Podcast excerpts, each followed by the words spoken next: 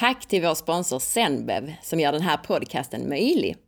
Zenbev innehåller pumpafrömjöl som är naturligt rikt på tryptofan och hjälper till att bilda må bra-substansen serotonin och sömnhormonet melatonin. Zenbev stavas med Z och du kan hitta det i närmaste hälsokostbutik.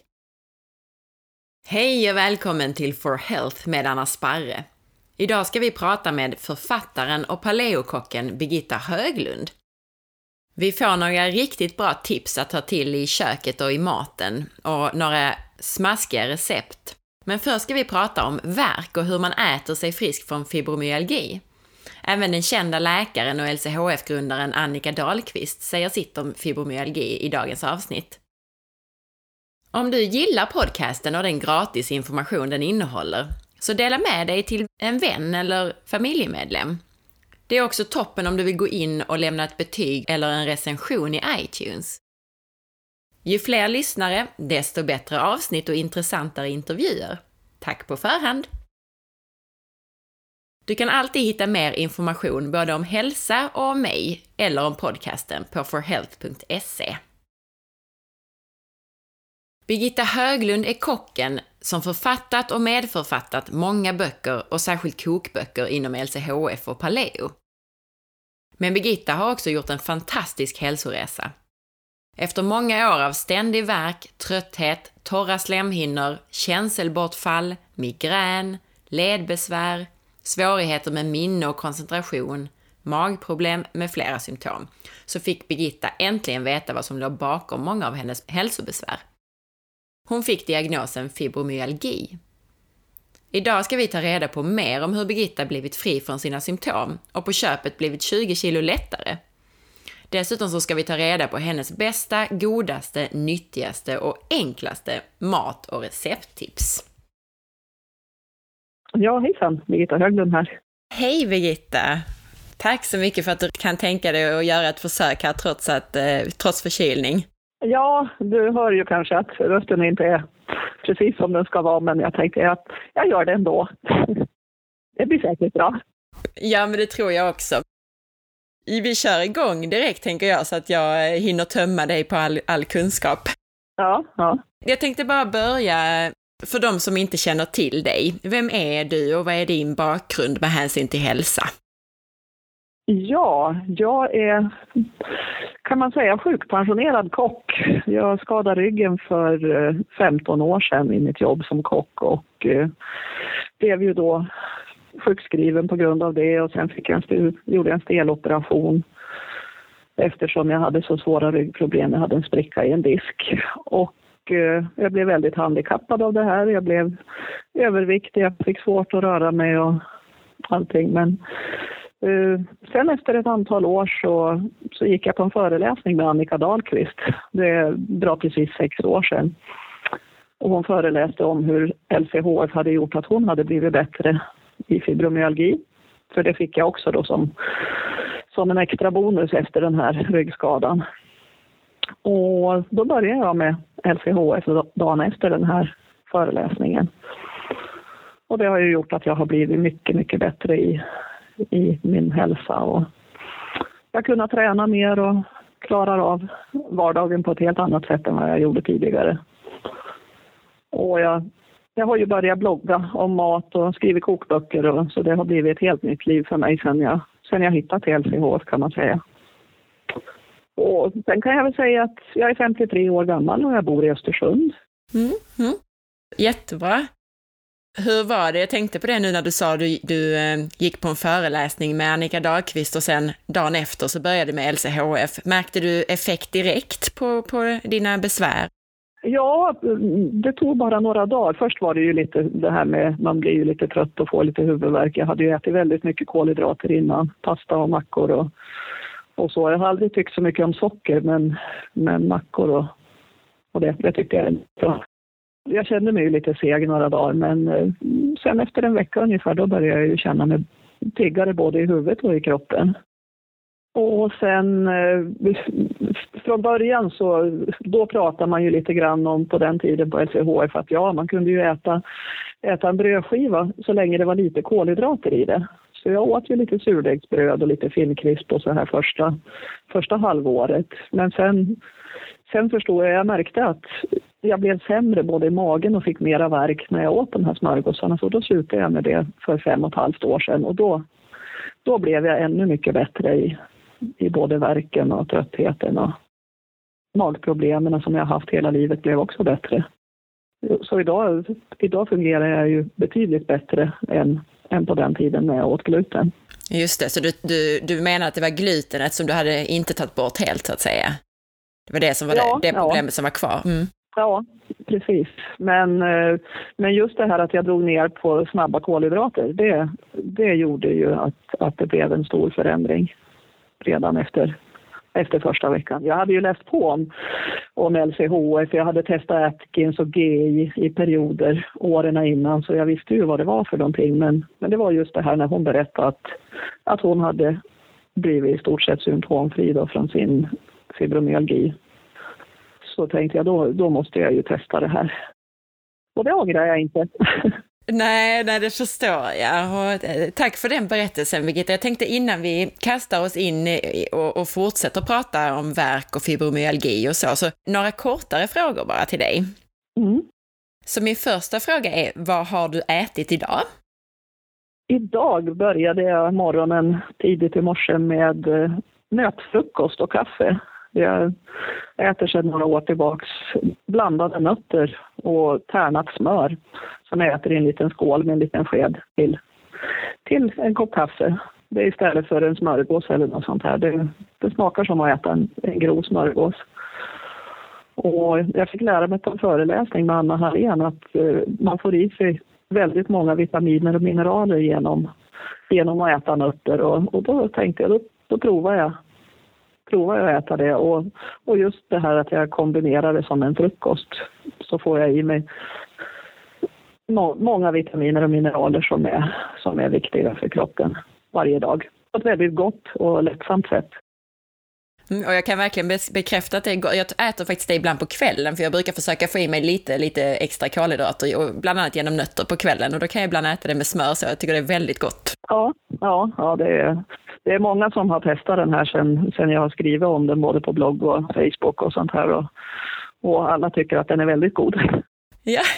Just att den är så mättande också. Man kan ju tro att nötter, det mättar ju ingenting, men när man äter det med smör så, så blir det väldigt bra, bra blandning. Precis. Har du något enkelt eh, men nyttigt mellanmålstips? Ja, det är faktiskt en, eh, en sak som jag har druckit nu. Det är, en, det är en dryck alltså som jag har hållit på med nu i vinter. Att eh, det är ju väldigt populärt att dricka, dricka kaffe med kokosolja i. Men jag har lite svårt för den smaken så, så då har det blivit att jag ja, använder osötad tranbärssaft eller granatäppelsaft eller svartvinbärssaft och blandar med kokosolja och sen kryddor. Mm -hmm. Ingefära och gurkmeja och kanel. Så då får jag en, en riktig näringsdryck som är, som är väldigt god också. Och inte innehåller så mycket kolhydrater heller. Smakar det lite som glögg eller så då, eller hur, hur kan du beskriva smaken? Ja, det kan man säga. Ja, Ja, det blir lite åt, åt glögghållet. Mm, vilket roligt tips! Ja, det är, det är jättegott. Vi har, jag bor ju nere i Turkiet på vintrarna så vi började med den där i, i höstas när jag var förkyld en period. Just för att få i mig ingefära och gurkmeja och sånt här så då, då blev det en, ett gott mellanmål. Och nu nämnde du ingefära och gurkmeja och så. Äter du något, något tillskott eller något, någonting som du tar utöver den vanliga maten?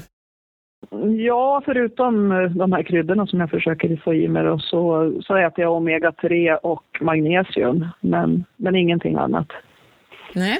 Jag försöker få i mig så mycket vitaminer och mineraler som möjligt via maten genom att variera, variera den, den mycket. Då. Finns det någonting som du alltid ser till att göra eh, för din hälsa som, som du känner som är viktigt för dig och din hälsa? Ja, jag har ett, eh, ett sjukgymnastikprogram och lite yogaövningar som jag har hållit på med i, ja det är nio år nu sedan jag började med det, när jag fick min fibromyalgidiagnos. Då började jag lite, lite lätt med sjukgymnastikträning på morgonen. Mm. Och jag, fick, jag fick ett program utav dels en sjukgymnast och en yogainstruktör då, som visade mig sådana rörelser som jag kunde göra som passar för min, mina ryggproblem och, och min verk. Och det här har jag fortsatt med varje dag nu i, nu i nio år. Alltså det, det gör att jag mjukar upp kroppen på morgonen och, och kommer igång och, och mår riktigt bra. Och sen, eh, sen brukar jag försöka gå ut och gå mycket promenader också. Det, det är viktigt. Går det att beskriva någon av de här övningarna som du gör på morgonen? Och, alltså, är det någon favoritövning som går att beskriva hur man gör? Ja, det är ju, jag försöker ju då, först börjar jag ju med att, att röra armarna lite grann och ungefär som när man lyfter vikter mm, eller hantlar fast utan, utan vikt med bara kroppens egna vikter. Böjer armarna uppåt och, och öppnar, öppnar upp som i bröstryggen. Jag har mycket problem med värk i bröstryggen också så jag gör rörelser som, som gör att, att jag blir lite mer rörlig där. Det är lite svårt att beskriva så här, så här i ord. Men... Ja, nej men det är väl jättebra. Sätta igång och röra kroppen ja. är väldigt bra och tips. Sen, ja, lite knäböj och, och lite utfall åt sidorna, men inte några häftiga rörelser utan bara lugna och mjuka rörelser som, som inte gör ont, men det ger, det ger effekt. Det har jag ju märkt väldigt mycket. Och sen masserar jag kroppen också från, från fötterna upp till, upp till gässan. Med fingrarna bara masserar i lugna rörelser och sånt här och inte allt för hårt tryck. Och det är också väldigt bra för blodcirkulationen och för, för att jag ska få igång kroppen på morgonen. Det låter som att allt det här syftar till att just eh, främja blodcirkulationen och få igång allting. Ja. Det har ju en viss antiinflammatorisk effekt antar jag. Ja, ja precis. Jag har ju märkt väldigt, väldigt stor skillnad sedan jag började med det här. Jag var väldigt eh, ja, hård i huden tidigare men det har blivit mycket mjukare. Celluliterna har försvunnit och sånt här. Och det är väl också för att jag masserar. Masserar mig själv då bra tips för de som bara vill bli av med celluliter i så fall också och inte ha värk. Ja, ja precis. Det här funkar för alla. Jag har, jag har ju varit på lite hälsoresor genom åren och då har jag, då har jag delat med mig av det här gymnastikprogrammet på morgnarna och det är många som har, har tyckt att det har varit väldigt bra. Även de som inte har värk. Mm. Nej, men jag tycker verkligen, precis, bara det här att komma igång på morgonen, man är lite stel när man vaknar och så, jag förstår verkligen det. Ja, och man behöver ju inte hålla på så länge. Jag håller på en timme varje morgon, men tio minuter kanske. Det, om man kliver upp tio minuter och, tidigare och, och börjar röra sig lite grann, då, då har man igen det sen. Man blir mycket piggare. Jag tänkte vi, vi rullar in på ämnet fibromyalgi. Halva intervjun vill jag ägna åt fibromyalgi och halva åt att tömma dig på all din kunskap kring recept och mat och tips. Innan vi pratar verk och fibromyalgi med dig, Birgitta, så ska vi höra vad Annika Dahlqvist har att säga om fibromyalgi. För dig som vill höra mer av Annika, lyssna på intervjun i avsnitt 31. Annika, ett av hälsobesvären du led av innan du la om din kost var fibromyalgi. Kan du berätta för oss vad fibromyalgi är för någonting? Ja, det är väl okänd mekanism egentligen, men det är ju inflammation i kroppen, i hela kroppen. Och det, det ger ju den här muskelsmärtorna, muskelstelhet, ledbesvär. Och det brukar ju inte bli hög sänka och sådana där inflammationsprover, men, men besvären har man. Och det är de som är typiska, att man har ont i kroppen och ont vid rörelse och, och inflammation, trötthet, alla möjliga inflammationssymptom. Och jag blev ju bra när jag övergick till LCHF. Så har jag inte något problem med min kropp längre. Och det tycker jag är fantastiskt för att jag var illa drabbad. Ja, och varför får man fibromyalgi då? Ja, det, jag tror att det är felaktig kost. Inflammationsframkallande kost. Det är låg, lågfett och det är lättmargariner och det är omega-6-oljor och, och massa kemikalier. Vi vet ju inte exakt vad det är som, som gör det. Och sen psykiska faktorer spelar säkert också roll. Så att det är väl en kombination av faktorer. Mm. Men så då tror du att alla kan bli friska eller symptomfria av kosten? Det vet jag ju inte. Det finns ju de som säger, tycker att de blir sämre och, och tycker man att man blir sämre av att äta LCHF så ska man ju naturligtvis inte göra det. Utan det, det, var och en måste ju prova ut vad som gäller för den. Men jag tror att det är väldigt många. Är det någonting annat än kosten som man eh, kan göra för att bli bra eller bättre? Ja, sen ska man ju ha ett bra liv. Inte ha, ha en massa negativ stress utan, utan känna att man har en, en positiv livssituation så gott det går. Men det är inte alltid det går att göra en underverk i den, i den frågan. Och att man får sova och att man, eh, att man får motion i lagom, lagom mängd. Någon elitidrott tror jag inte är speciellt nyttigt utan lagom mycket motion. Tack så mycket Annika. Tillbaka till dig Birgitta. Om du skulle beskriva vad fibromyalgi är, hur skulle du förklara det då? Ja, det är ju, har man gått som, som jag gjorde med, med långvarig verk, i, jag hade ju verk i många år efter min, efter min ryggskada, då blir nervsystemet kan man säga blir överhettat. Man får lite, ja man får ju mera, mera verk i hela kroppen och det, det, sätter igång, det triggar igång ännu mera verk. Går jag och har ont till exempel i en axel en dag, då kan det sätta sig att jag, jag får ont i andra sidan nästa dag för då har jag ju liksom gått och sne, snedbelastat den dagen och ja, det, det sprider sig kring i hela kroppen. Och mm, jag har, jag har läst mig till att det beror just på att, att nervsystemet överreagerar på det här. Det, det blir inte en normal reaktion på, på smärta och värk som hos andra. Då går det ju över efter några dagar om man vilar. Men har man fibromyalgi då, då hänger det kvar. Och i och med att man då går omkring med väldigt mycket värk då blir man mycket trött också. Det, tröttheten hänger, hänger ihop med, med verken väldigt mycket. Och så var det för mig under många år också. Jag var fruktansvärt trött. Så skillnaden mellan, alltså om det är någon som undrar då, okej, okay, undrar om jag har fibromyalgi eller om det är någon annan sorts verk så att säga, så går det över så är det vanlig eh, verk så att säga och inte fibromyalgi. Men just det här om det, om det håller i och man, man blir trött, det är då man ska eh, ja. fundera över om det är fibromyalgi. Ja, mm, precis. Och jag menar vanlig värk, har, har du en inflammation i kroppen eller något sånt här, och, ja då kanske du går till sjukgymnasten eller du får lite värktabletter och då brukar det ju gå över efter en period. Men det, det hjälper ju inte med, eh, med sjukgymnastik, inte hårdare sjukgymnastik i alla fall och inte värktabletter heller för just för fibromyalgi det är min erfarenhet i alla fall. Jag, provar, jag har ju provat väldigt många mediciner genom åren. Precis, och jag vet att du dessutom har utretts för eh, olika sjukdomar som Sjögrens syndrom, psoriasisartrit och MS innan du fick en diagnos. Vad, vad är skillnaden mellan de ja. sjukdomarna och fibromyalgi? De har ju liknande symptom, så det är väldigt svårt just. De, läkarna hade ju svårt att hitta, hitta den här diagnosen på mig. Så därför utreddes alla de här olika olika sjukdomarna. Och det var ju egentligen först när jag själv tog kontakt med en, en läkare som, som jag visste var specialiserad på fibromyalgi, för jag hade ju läst mig till att det kanske kunde bero på, på fibromyalgi och inte var någon av de här andra sjukdomarna. För jag är ju ganska vetgirig av mig och mm. försökte läsa och, och hitta en lösning. Och då tog jag kontakt med henne och hon, då diagnostiserade hon mig med fibromyalgi då, utefter min sjukhistoria och sen de här triggerpunkterna som, som sitter på olika ställen på kroppen. Jag minns att jag läste på din blogg, tror jag det var, att du blev glad när du insåg att det inte var någon av de här andra sjukdomarna.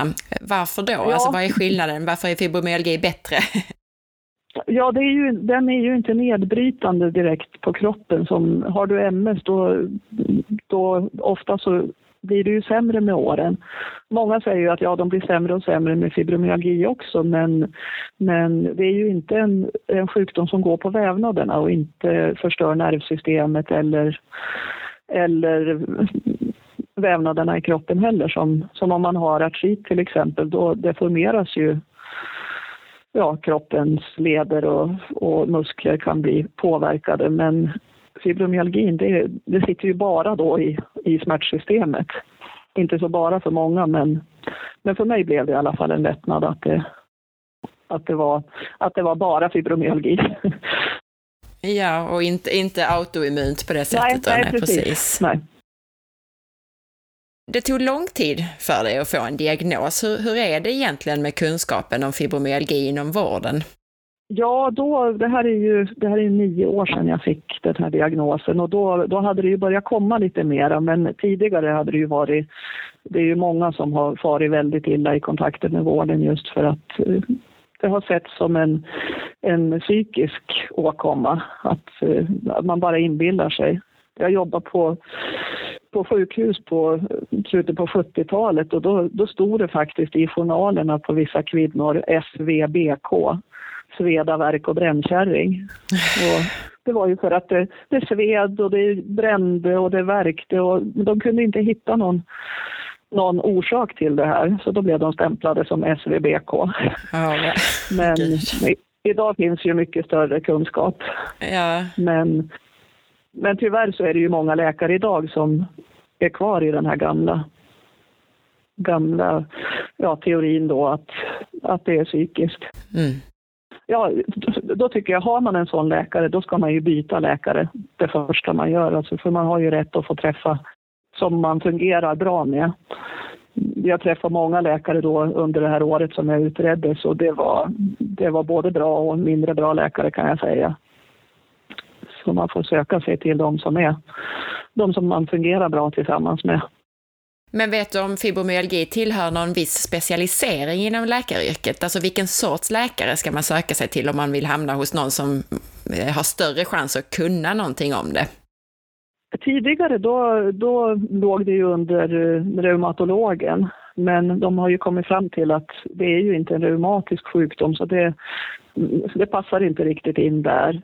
Och Eh, så nu, nu hänvisas, hänvisas man ju oftast till vanliga allmänläkare. Men den här läkaren jag tog kontakt med, det var en kvinnoläkare på en, på en kvinno, på kvinnohälsan här i Östersund. Jobbade hon då på den tiden. Så, så det finns ju kvinnor, kvinnokliniker eller kvinnohälsor på många, på många ställen och, och då finns det ju oftast större kunskap och intresse för den här typen av sjukdomar. Är det en, en kvinnosjukdom eller finns det män som har eh, fibromyalgi också? Ja, 10 procent är män sägs det, men eh, det har ju kommit fram på senare år också att det är ganska många män som har det här men, men de går inte till doktorn på samma sätt och, och de, de vill inte bli förknippade med en sån sjukdom som just fibromyalgi för det, det är ju då en, en kvinnosjukdom, de tycker de. Så, så, men det sägs att kring 10 procent är män och resten är kvinnor. Varför fick du fibromyalgi tror du? Alltså är det ärftliga faktorer eller är det någonting i livsstilen? Vad tror du? Ja, dels, dels tror jag att det är, det är ärftligt, för min mamma har också levt med verk i stort sett hela sitt liv, så det, det finns nog en ärftlig faktor. Men, eh, och sen då, i och med att jag fick den här ryggskadan, så gick jag ju med verk i många år. Men jag tror ju också att det har mycket, mycket med maten att göra. Eh, just att man äter alldeles för mycket socker, mjöl, dåliga fetter och, och, och den, den typen av mat. Du får en inflammation i kroppen och går du då med den här, den här eh, tysta inflammationen så att säga under en längre tid, då, då sätter, kan vi sätta igång sjukdomar hos vissa.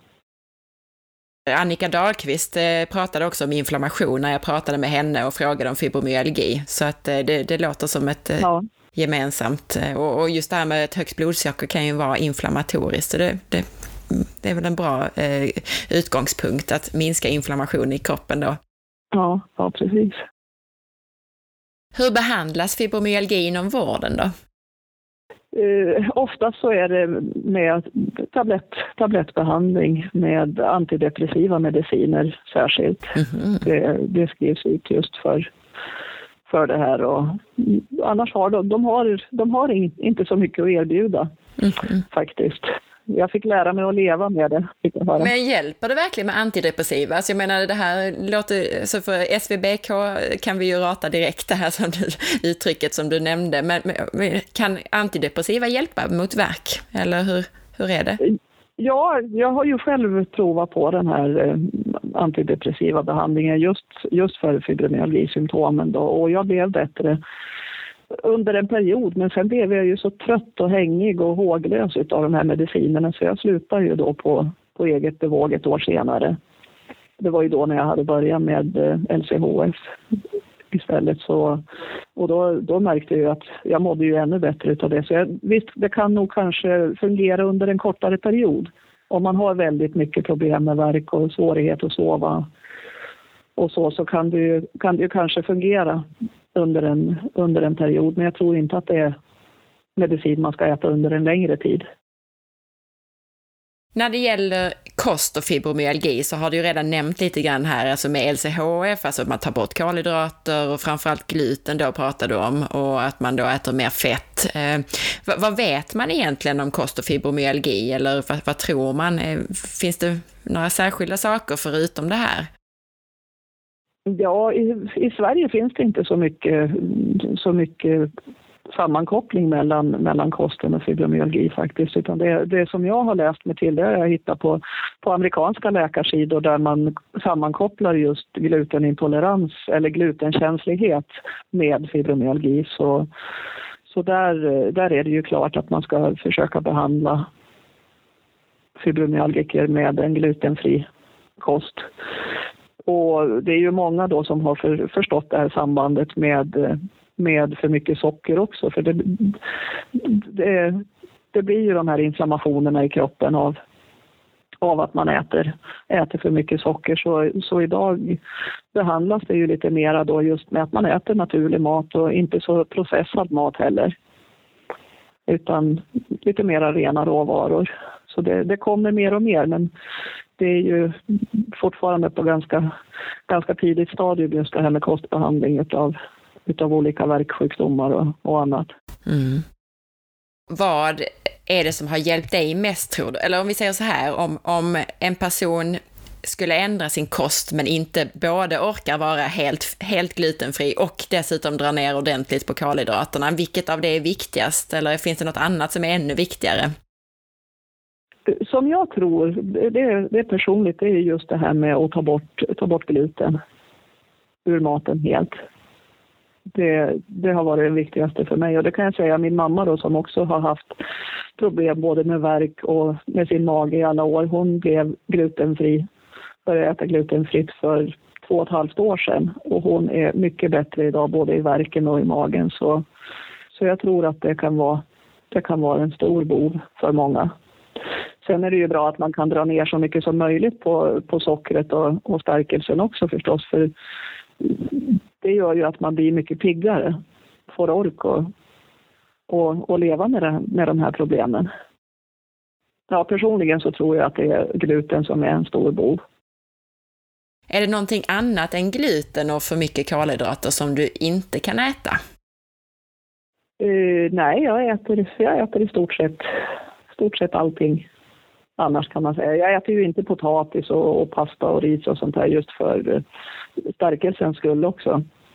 Det är ju inte bara så att eh, ja, det, ja, det är ju, det är ju kolhydraterna kan man ju säga där också. Sen, sen undviker jag, jag äter ju aldrig, aldrig margarin. Jag har aldrig ätit lätt margarin och sånt i hela mitt liv utan bara, bara riktigt smör och, och oljor. Så eh, majsolja och, sol, majsolja och solrosolja till exempel, det, det äter jag ju inte heller för det är ju, det är ju mycket omega-6 i det.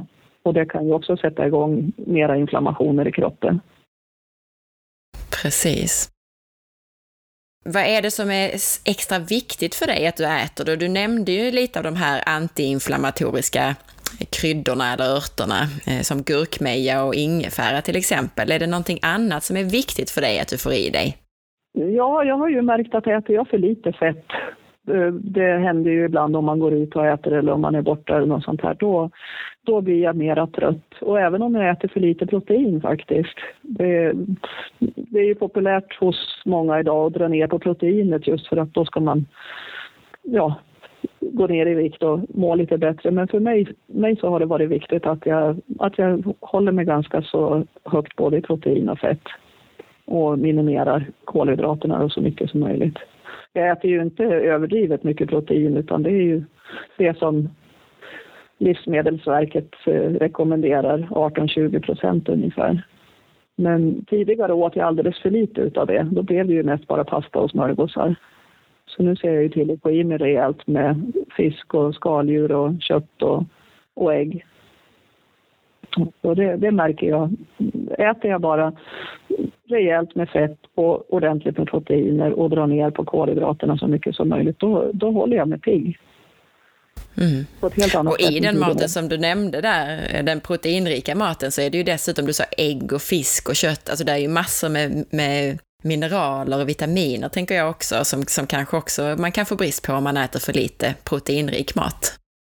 Ja, ja, precis. Och, och, när man då äter, som jag gjorde tidigare, lite mer åt tallriksmodellen eller liknande, då, då det stod ju den största delen på tallriken, det var ju det var ju stärkelserika pastan och, och riset och potatisen och sånt här och så hade man en liten köttbit till och så kanske lite, lite sås och så men nu i och med att jag har tagit bort den här stora stärkelserika biten så då får jag ju plats med väldigt mycket olika grönsaker och sallader och örter och sånt också som, som ger just de här vitaminerna och mineralerna.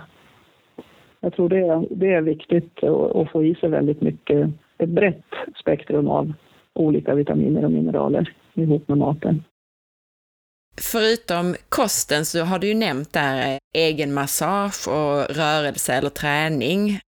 Är det någonting annat utöver det här som, som hjälper till? Eh, jag tänker lite grann om det är sömn och sådana här vila och så. Är det någonting sånt som, som är viktigt? Ja, det, sömnen är ju viktig. Jag har ju haft eh, problem med att sova under, under många år, även tidigare när jag var, när jag var frisk, innan jag fick eh, skadan och fibromyalgin. Det var mycket stress i jobbet och så här och jag jobbade ju väldigt hårt i många år. Och gick in i väggen till och med också. Mm. Och, och så jag har ju märkt hur, hur viktigt det är med sömnen. Så jag försöker ju gå och lägga mig tidigt på kvällarna och, och inte ja, titta så mycket på tvn eller på datorn på, på kvällen utan läsa eller koppla av lite grann innan jag går och lägger mig. Kanske ta en promenad och så om man är uppe i varv så, så att man kommer, kommer ner i lite, lite varv när man går och lägger sig. Mm. Och sen har jag också lärt mig, jag, jag vaknar ofta mitt på natten vid tretiden eller något sånt där. Då ligger jag inte kvar i sängen och vänder och vrider på mig utan då kliver jag upp och så kokar jag en kopp te, örtte. Det finns något speciellt som heter kvällsro. Friggs har, har det ett örtte med lite lugnande örter och då, då dricker jag det på natten och sitter och tittar ut en stund och sen går jag och lägger mig och då kan jag somna om igen. Men när ligger jag kvar, då, då får jag svårt att somna om. Så det är, ett, det är ett bra tips. Ja, verkligen. Och jag har, har skrivit och, och, pratat en del om det här med tvådelade sömn, att det faktiskt till och med kan vara lite na, ett, en, ett naturligt sömnmönster. Så jag är lite nyfiken, hur länge är du vaken när du är uppe ofta? Brukar det vara typiskt en viss tid, eller? Ja, det jag vaknar nästan alltid vid tre tiden. Mm. Och om jag somnar, vi säger vid, vid 10, 10, 11, jag försöker ju gå och lägga mig tidigt så jag somnar då. Då sover jag tre, fyra timmar och sen vaknar jag vid, vid tre tiden. Och, och, och, ligger jag då kvar, då kan, jag, då kan jag ligga vaken resten av natten. Men kliver jag då upp och dricker den här koppen te och, och tar det lite lugnt en stund och sen går och lägger mig, då somnar jag. Och hur länge är du vaken ungefär där och är uppe och dricker te? Det kan vara en timme ungefär som jag som jag är vaken då innan jag somnar igen. Så. Och det här är ju ett naturligt sömnmönster. Jag har ju lätt på lite grann om det, om det också eftersom jag har haft problem. Så här levde vi ju för att man var uppe en stund på natten och gjorde lite, lite saker och sen gick man och la sig och sov igen. Precis. Så det här med, med åt, åtta timmars sömn som jag aldrig faktiskt har har varit med om att få åtta timmars sömn, att det, det är kanske inte det normala. Nej, nej precis. I alla fall inte på, när, på vintern tror jag, när vi har de här långa mörka nätterna. Utan eh, då är det nog verkligen så. Mm. Man har ju gjort experiment också när man har, har stängt in försökspersonerna i, i mörka rum i 14 timmar och då utvecklar de spontant ett sånt här tvådelat sömnmönster. Så jag, jag håller med dig där, att det, ja. har man ett sånt sömnmönster så ska man nog bejaka det. Ja, ja. Sen nämnde du ju också det här att du hade gått in i väggen till och med och, och ibland så nämns fibromyalgi tillsammans med kroniskt trötthetssyndrom samtidigt. Och vad, vad, finns det för likheter och skillnader? Ja, det är, det är ju då särskilt den här, den här stora tröttheten. Och jag tror ju många, många som har fibromyalgi idag har precis som jag jobbat alldeles för mycket, stressa allt för mycket och kanske, även om de inte har gått in i väggen så har de varit nära nära att, bli utmattad.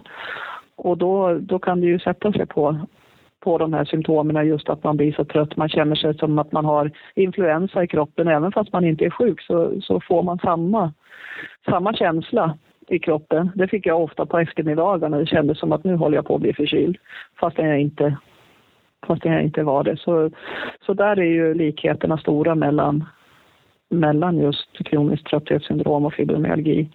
Men de har ju inte lika mycket problem med värk, har jag förstått.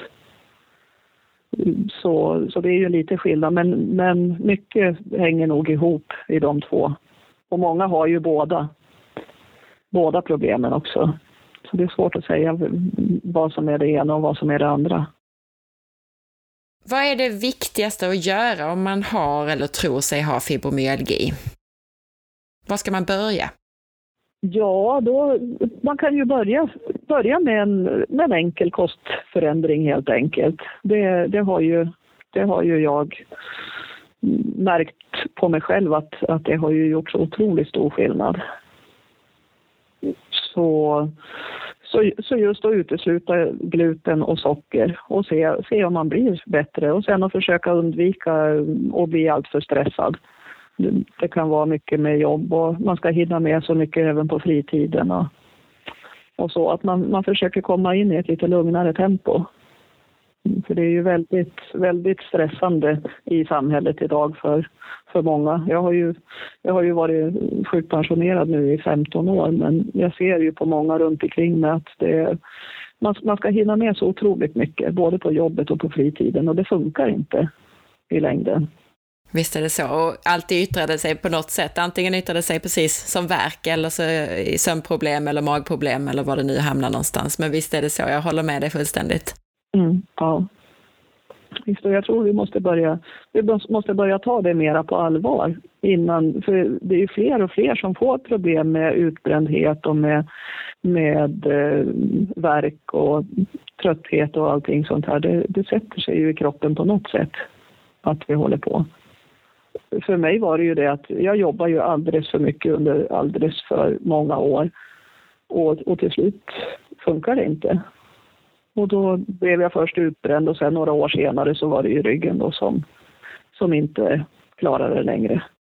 Det är svårt att göra någonting åt, alltså medan man är igång så känner man sig odödlig, så det är svårt att, att, göra någonting åt det innan man har hamnat i skiten så att säga, innan man har fått sin verk eller sina sömnbesvär eller vad det nu är för någonting. Ja, ja visst, och det är ju det som är lite synd, att det ska behöva gå så långt så att man får kroppsliga problem in, innan man reagerar. Men när man, är, när man är ung och aktiv och sånt där, man är ju odödlig. Precis. man, att man klarar vad som helst. Min önskan är att man inför det i skolan, någon slags avslappning eller eh, så. Det finns ju, man gör ju det bland annat i Indien så har man ju en del sådana här meditation och yoga och liknande i, i skolmiljö. Ja, det skulle man kunna ha på schemat. Det skulle vara jättebra. Vilken lugn miljö det skulle bli i skolan då om alla satte sig ner och var tyst ett tag. Precis.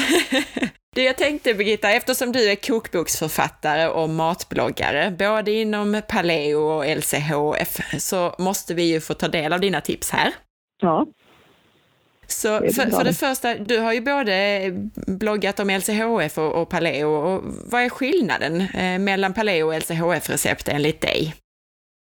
Ja, det är ju ganska små skillnader egentligen, men, eh, men många som äter, som äter paleo då, då äter man ju mera frukt och rotfrukter som inte ingår då i, i LCHF om man ska vara strikt.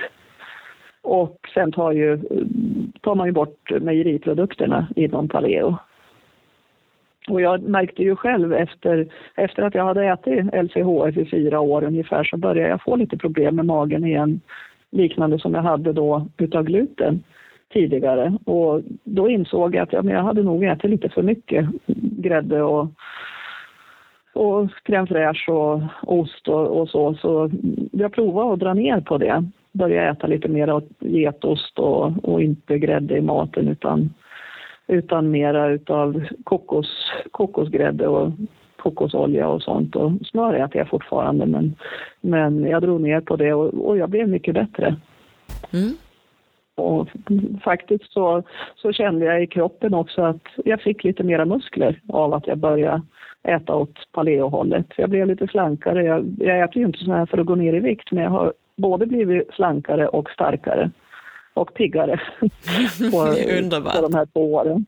Ja, jo, det har känts. Eh, det, det är roligt i och med att jag mådde så bra på LCH första fyra åren så var det häftigt att få den här förbättringen även då när jag gick över lite mer åt paleohållet. Och sen att jag startade min, min paleoblogg, det var att jag hade så många, många läsare som efterlyste just mjölkfria recept för de hade också märkt att de, de mådde bättre om de drog ner på det. Och jag tänkte apropå det, så, eh, för, för, det är också så att en del av dem jag träffar tycker också det att, och, och de tycker att det är lätt att hitta goda LCHF-recept också på nätet, men, men ofta så är de då väldigt mejeribaserade. Har du något tips på vad man kan ersätta mejerierna med i maten? Du nämnde bland annat kokosmjölk, men finns det någonting annat? Ja, man kan ju ta både, ja, antingen kokosmjölk eller kokosgrädde brukar jag använda. Det är ju den här tjocka, tjocka delen som ligger ovanpå kokosmjölken i en burk. Det, det säljs ju separat. Det finns ekologisk kokosgrädde att köpa idag också som är lite tjockare. Och sen kan man ju använda mandelmjölk.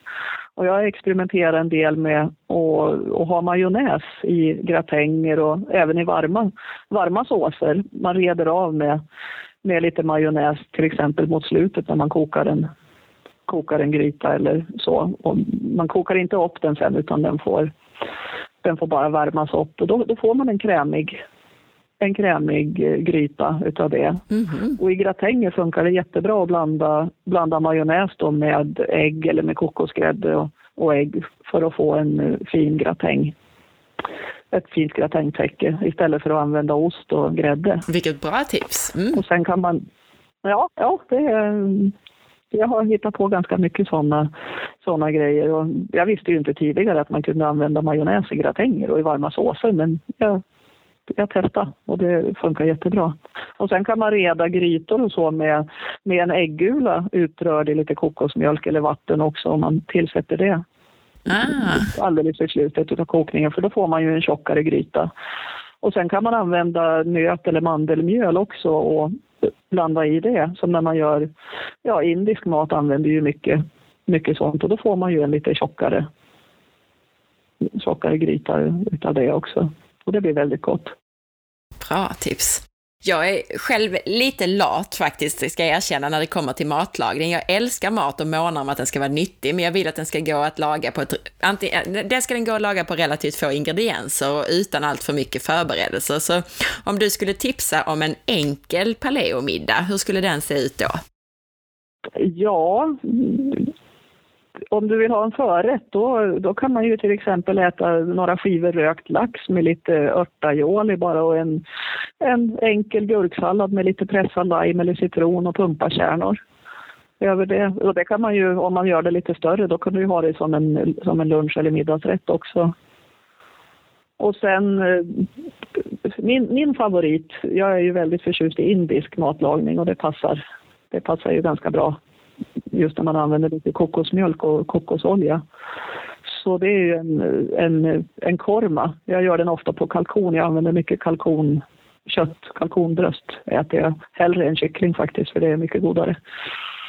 Och att man gör det med grönsaker och ingefära och reder av dem med mandelmjöl och kokosmjölk och så kan man ha i lite lime och lite citron i det också. Nu får du förklara, tror jag, för lyssnarna, de som inte vet vad en korma är för någonting, vad är det? Ja, det är ju, det är ju då att man eh, att, eh, ja, du steker på bitar utav kalkon eller kyckling eller, eller annat kött och sen fräser man lök och vitlök och ingefära, riven ingefära fräser man i smör och så tillsätter man mandelmjöl. Och så blandar man ihop det här köttet och den här, eh, den här mandelröran och häller på kokosgrädde eller kokosmjölk och så får det här stå och puttra ganska länge. Och så pressar man i lite citron eller lime på slutet så man får en liten syra i det. Så det blir, det blir väldigt gott kan jag säga. Ja, det låter jättegott, både det och, och din förrätt, ditt förrätt-tips där. Det, Ja, det lät ja. jättegott. Har, har du någon favorit efterrätt då? Ja, det jag tycker ju väldigt mycket om bär. Jag plockar mycket bär och särskilt nu sen jag har blivit bättre i ryggen så jag klarar att göra det så, så jag är ute på höstarna och plockar så jag har ju, jag har ju bär i frysen jämt. Och det är tillsammans med lite kokosgrädde eller, eller crème fraîche om man äter om man äter mjölkprodukter. Det är, det är ju den absolut godaste och enklaste för, eller efterrätten, tycker jag. Och där får man ju också i sig väldigt mycket antioxidanter och vitaminer via bären. Mycket mer än, än om man äter frukt till exempel. Frukten idag är ju inte så näringsrik som den var tidigare. Men, Nej, men bär tycker jag det kan, man, det kan man äta. Att baka utan vanligt mjöl, det är ju en, en vetenskap för sig. Eh, man kan till exempel använda nöt eller frömjöl eller mala nötter själv. Vad, vad brukar du använda om du bakar? Ja, jag, jag brukar ju blanda då. Jag baserar dem ju oftast på, på ägg, mina, mina bakverk. Och eh, antingen blandar jag då med, med vätska då, som kesella eller kokosgrädde eller crème fraîche kan man använda eller riven ost. Och, och sen blandar i frön och, och sen ha lite kokosmjöl, nötmjöl. Och sen då istället för gluten så, så kan man använda bofiber eller fiberhusk. Det är glutenfria ersättningar då just för att binda ihop brödet. Och jag har hittat på väldigt många bröd kan jag säga genom åren som har blivit populära i, i LCHF och Paleo-kretsar. Och, och, Absolut. Ja, Jag har själv testat dina valnötsbullar. De är extremt goda, så de, måste, de kan jag tipsa om. ja, det är det här valnötsbrödet du tänker på från, ja, från långkokboken. Ja. ja, just det. Och ja sen har jag precis jag hittar ju på, jag, jag blev tipsad för fyra år sedan är det, av en Facebook-vän om att omvandla ett frö, fröknäckerecept till LCHF. Så då gjorde jag, mm, gjorde jag det och, och det, blev så, det blev så lyckat så idag finns det, det finns ute i bu- butikerna hus och bröd, börja baka det efter mitt recept och det är väldigt många bloggar och kokböcker som, som har skrivit om det här receptet så det, det startade en trend bland, bland frökex och fröknäcke faktiskt just när jag tog, tog fram det här receptet. Det har blivit en otrolig spridning på det. Och det, vad det är ju jätte, jättekul. Ja, ja, precis. Vad häftigt. Du verkar vara bakom mycket inom, eh, inom den här mjölfria världen, många recept. Sen så hittar man ju Ja. olika, olika varianter lite överallt, men då vet vi att ursprunget kommer från Birgitta. Ja, precis. Jo, jag har ju, jag, jag höll ju på att baka väldigt mycket tidigare när jag jobbade på restaurang och sånt här och hemma också. Så då, då blev det ju naturligt att jag började baka utan mjöl och socker när jag gick över till LCHF. Så, så jag har ju hittat på ganska mycket sådana recept. Vad är tricket egentligen för att få ett mjölfritt bröd som håller ihop och inte trillar sönder? Jag tycker att det ofta kan vara ett problem. Ja, det är ju då att, att blanda i det här. Man måste ju ha någonting, någonting som, eh, som binder och det är ju då fiberhusken och pofibret bra, bra till. Gör du bara på nötmjöl eller kokosmjöl och, och frön och sånt där, då, då, kan det bli, då kan det bli det att det blir väldigt smuligt och håller inte ihop. Så det, proportionerna är nästan viktigare, tycker jag, när man bakar LCHF och paleobröd än när man bakar vanligt bröd. Så man får, man får experimentera sig fram till vad som, vad som fungerar. Men eftersom det finns så många recept idag så kan man ju utgå från dem. Eftersom det är lite speciellt. Det blir annorlunda. Men får man samma resultat av, av så kallad pofiber, alltså från potatis, som man får av sån här fiberhusk eller psylliumfröskal? Eh, det blir ju, när man använder pofiber, då blir det lite porösare bröd än utav fiberhusk. Många har problem med fiberhusken just att det blir lite för kraftigt för magen och sånt här och då, då kan man ta pofiber istället. För det, det är också en bra, ett bra bindemedel. Och sen finns det ju Fibrex och lite andra mm, sådana saker som, som binder ihop. Och även, eh, även frön, som linfrön, om man låter dem ligga i vatten och, och svälla längre så, länge så blir det ju som en lite gelé, geléaktig hinna runt omkring och det binder också ihop degar bra. Så man kan, man kan experimentera med lite olika, olika sorter men, men ibland kan det gå alldeles åt skogen. Det har jag varit med om själv också. men har du något riktigt snabbrecept, alltså något som är så enkelt så du skulle kunna säga det här på, på bröd utan vanligt mjöl då menar jag? Ja, jag, jag har ju ett, ett bröd med, där jag river, river halloumi, mm, getost halloumi och blandar med ägg och frön. Och det sesamfrön, olivenfrön. Och det, det håller ihop bra då tack vare osten här om man gör bullar och, och plattar ut utav. Så, så vill man inte använda fiberhusk eller pofiber då kan man, då kan man ju prova med, med ost i istället. Många LCHF-bröd de smakar ju mest bara stekta ägg men, men bland, blandar man i någon, någon sån här typ av ost då blir det lite mera struktur i det. Lite mera Så det är, är det egentligen det enda som behövs i det här brödet? Halloumi, fröer och ägg? Eller är det någonting mer som ska till? Uh, nej, det, det, kan, det kan man baka ett bröd och särskilt om man, om man låter, det, låter den stå och svälla ett tag då så att, uh, så att fröna ger ifrån sig lite utav de här, utav de här geléämnena så, så då, kan, då kan man få det att hålla ihop riktigt bra.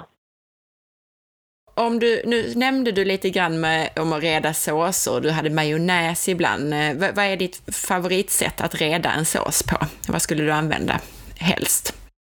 Ja, eftersom jag, inte, eftersom jag inte använder grädde i matlagningen själv hemma längre, då, då använder jag ju då kokosgrädde ofta istället. Men det är just det här med att strö över lite, lite nöt eller mandelmjöl eller kokosnötmjöl över, över eh, det man steker, om det är kött eller grönsaker.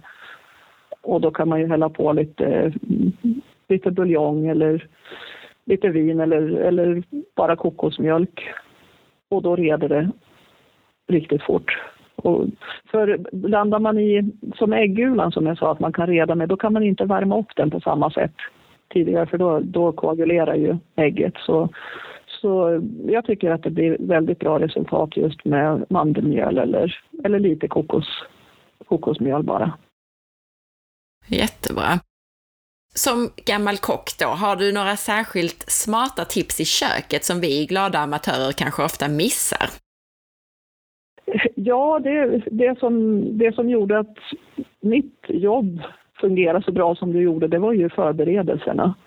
Att man förbereder så mycket som möjligt på ja, dagen innan eller, eller någon timme innan, innan middagen eller något sånt här. Gärna då att man tänker ut dagen innan, vad ska jag laga till middag imorgon när jag kommer hem från jobbet och är trött? Och så tar man fram det ur frysen eller man köper hem. Och, och så kan man skära, skära grönsakerna och sånt och stoppa in i burkar i, i kylen så är, så är det klart.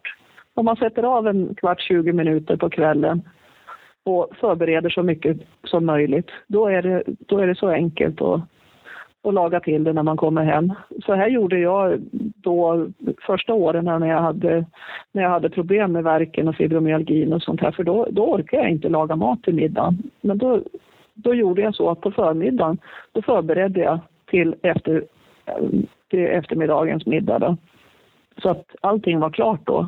Så när jag var trött då kunde jag bara steka på och röra ihop bra tips. Jag kände också att det träffade mig, inte bara på grund av att man kanske är trött när man kommer hem, utan när jag står och lagar mat till andra så kan jag ofta bli lite stressad av att oj, nu är det någonting som är varmt där och så ska man hälla på nästa sak och så är man kanske inte tillräckligt förberedd, precis som du faktiskt sa nu. Nej, och du kan ju tänka dig när man jobbar i ett restaurangkök då, och det sitter 40-50 personer där ute som ska ha olika rätter ungefär samtidigt. då, måste, då måste allting vara förberett in i minsta detalj. Det har varit lite roligt när jag har gjort mina kokböcker också och haft eh, fotografer, Micke, som har kommit hem till mig och fotograferat alla rätterna. Då har jag, allting har varit förberett. Apropå kokböcker, vad, vad heter din senaste bok och vad innehåller den? Den heter Långkok för LCHF och Paleo och den, den innehåller mina favoriter när det gäller många, många långkokta rätter som dillkött och oxsvanssoppa och olika stekar och rimmad fläsklägg och, och sådana saker. Och sen även, även sånt som inte, inte tar jättelång tid att laga men, men ändå mm, man lagar till det på, i, i ugnen under någon timme. Det kan vara lite olika fiskgratänger och patéer och, och sånt. Som, och där, där är det också det här med förberedelserna. Långkok är ju väldigt snabb mat egentligen. Det låter ju som att ja, men det där har jag inte tid med. Det var lite roligt för Ann Fernholm skrev förordet till den här boken. Och när jag kontaktade henne så sa hon att först att nej, men det här med långkok, jag hinner inte, jag håller inte på med sånt så mycket för jag har småbarn. Ja, men det är ju precis då du ska göra det, sa jag.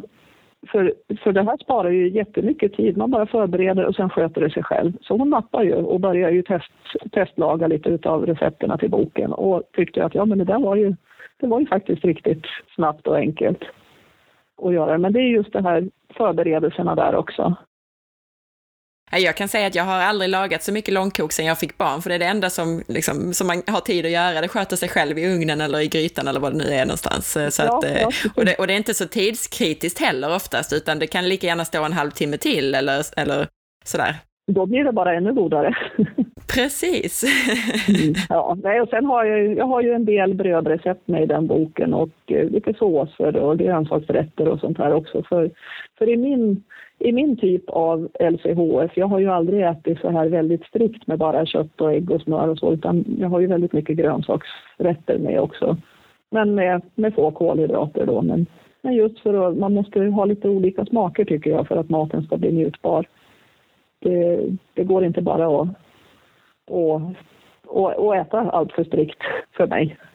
Nej. För då blir maten tråkig, helt enkelt.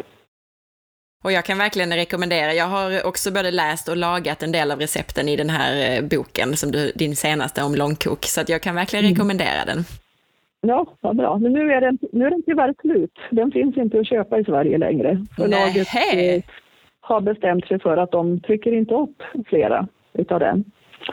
Så nu, nu, nu kommer den ut på, på engelska tillsammans med mina andra kokböcker också. De kommer ut i USA till sommaren här så, så då kan man köpa den på engelska. Nej men jag kommer, jag kommer att trycka upp den själv så småningom. Jag har fått överta utgivningsrätten så, så den kommer att komma tillbaka för det, det här är så den är ju så populär och det är så många som, som har blivit besvikna att de inte har kunnat köpa den nu. Så det är klart att den ska att den ska tryckas upp igen. Men det är så i förlagsbranschen att ja, de, de tror på en idé och så säljer de den något år och sen, sen trycker de inte upp flera exemplar. Så under tiden då, medan, medan, eh, medan våra lyssnare här, medan de väntar på att, att du ska ge ut den i egen regi, den här, har du någon annan av dina böcker som du kan rekommendera så länge? Ja, Grillmat LCHF, den finns kvar och den passar ju alldeles perfekt nu till, till sommaren också. Det är, ju, det är ju grillrätter med egengjorda marinader och rubs och, och glaze och, och allt vad det heter som är utan socker. Mm. Det mesta man köper färdigt i affären det är ju, det är ju väldigt mycket, mycket socker i dem så det, och konstiga tillsatser. Så, så här kan man, kan man göra goda grillrätter själv på bara naturliga råvaror. Och den, det är väldigt många paleo-recept i den boken också men, men jag fick bara ha med LCHF i titeln då när jag skrev den. Så. Men det, det finns det för både, både LCHF och paleo, även den boken. Kan man göra glaze utan, helt utan socker? Ja, om man eh, som jag då använder till exempel svarta vinbär. Jag gjorde en, en svartvinbärsglaze. Då kokar man ju ner svarta vinbär med kryddor. Då får du ju den naturliga sötman ifrån, ifrån bären. Men du behöver inte ha något tillsatt socker. Klokt. Mm. I den. Så, och jag, jag har ju lite olika, jag har rabarberchutney och jag har eh, lite paprikasåser och sånt här som, då får man den naturliga sötman från, från, jag kan söta lite med päron eller med äpple eller något sånt i en del recept. Och då funkar det väldigt bra, helt utan, helt utan tillsatt socker. Och om man vill veta mer om dig, var, var, vilken sida ska man gå till för att hitta din blogg och dina recept? Då går man in på Birgitta Höglunds mat. Det är den som är min huvud, huvudblogg idag så att säga. Jag har ju Birgitta Höglunds Paleo också men den ligger bara kvar som ett receptarkiv med cirka 200, 200 recept. Jag började skriva på Birgitta Höglunds mat igen i höstas efter att den låg nere i ett och ett halvt år. Men den var så väldigt stor och populär ändå så under hela tiden. Det är många som använder den som, som eh, ja, receptinspiration. Så den är ju den är idag en av Sveriges största matbloggar och hälsobloggar. Så, så det är väldigt många som hittar till den och det är inte bara de som äter lågkolhydratkost utan, utan även andra hittar ju, hittar ju till den. Så, så det, den, är, den är väldigt populär så där kan man gå in och läsa och där kan man även läsa om, om mina böcker och, och hitta lite länkar till dem och till böckerna på engelska som kommer ut då till sommaren. Det finns länk till amazon.com om man vill beställa dem där. Min nästa intervjuperson är Jonas Bergqvist som har skrivit böcker bland annat om träning och LCHF och som driver MF Utbildningar som utbildar kostrådgivare. Vad skulle du vilja fråga Jonas om? Ja, jag har ju läst på lite grann på Jonas blogg just om det här med periodisk fasta. Jag har ju inte själv hållit på med det tidigare men sista månaderna så har jag, så har jag hållit på just med lite variant utav 16-8 heter det ju så fint att man, att man inte äter någonting mellan, mellan middagen och frukosten. Många äter ju inte frukost men för mig är frukosten väldigt viktig så då äter jag mitt huvudmål vid fyra, fem, ja, senast fyra, fem tiden på eftermiddagen och sen tar jag då frukosten på morgonen. Och det här har jag märkt också har varit bra för, för verken. Jag, jag har ju fått, fått mindre verk sedan jag började med det här. Så om han har någon, någon koppling just, eh, mera kunskap om hur hur fungerar det här när man har fibromyalgi eller andra värksyndrom eller trötthetssyndrom? Finns det någon koppling mellan det rent vetenskapligt? Bra fråga. Jag tänkte på det du sa att du äter då, då fastar du egentligen på kvällen och natten där framför allt. Hur, sover du lika bra även om du fastar? Jag har sovit bättre sen jag, sen jag började med det här. Faktiskt. Jag hade större problem tidigare när, om jag åt en kraftig middag. För, för ja, de här åren som jag har ätit LCHF och, och sen paleo liknande då, så, så har jag ätit frukost, lunch, middag, frukost, lunch, middag. Inte något mellanmål, men jag har ätit en ganska kraftig middag vid ja, fem, sex tiden på kvällen. Och det har nog varit lite för jobbigt för, för systemet att smälta den där kraftiga maten på kvällen. Så så sen jag började äta så här så har jag faktiskt mått betydligt bättre både, både kroppsligt och, och rent sömn, sömnmässigt. Så det kan också vara ett, ett tips. Ja, verkligen. Har du antingen, eh, har du några sista kloka ord till lyssnarna eller är det någonting som vi har missat här idag som du tycker vi ska prata om? Jag tycker vi har pratat ganska, ganska vitt och brett om, om det mesta. Men, men det är just det här att, att, att försöka avdramatisera matlagningen kanske. Att många tycker att Åh, det är så jobbigt att laga mat. Men om man då förbereder och så kanske man hjälps åt i familjen och, och så gör det till en rolig grej istället. Då, då blir det inte så jobbigt. Nej. För eh, maten är ju det, det, viktigaste vi har. Vi måste ju äta för att, för att leva och då ska vi ju passa på att njuta av det också. Tack snälla Birgitta för att du tog dig tiden att vara med och trots att du har lite problem med halsen och förkylning idag, så tack snälla. Ja, jag, låter, jag låter ju inte riktigt så här. Den här basrösten jag har i dagen, den är väl värre än, än annars. Tack vare förkylningen. Visst, men det var jätteroligt att få, vara, att få vara med. Jag hoppas att kunna inspirera många andra både till, till bra matlagning och sen kanske också prova och, och bli bättre om de har problem med värk och trötthet. Det tror jag alldeles säkert att du, att du har gjort här idag. Ha det så gott Birgitta och tack igen! Ja, tack ska du ha. Hej då! Tack för att du lyssnade! Du vet väl om att du också kan boka mig som föreläsare till ditt företag eller privata grupper? Missa inte heller att följa med på Facebook och på Instagram. På Facebook så hittar du mig och For Health på facebook.com forhealth.se och på Instagram under asparre. Gå gärna in på iTunes och lämna betyg och recension. Och titta in på bloggen på forhealth.se och önska intervjupersoner. Eller ställ frågor som du vill att jag eller en intervjuperson besvarar i podcasten. Ha en underbar dag!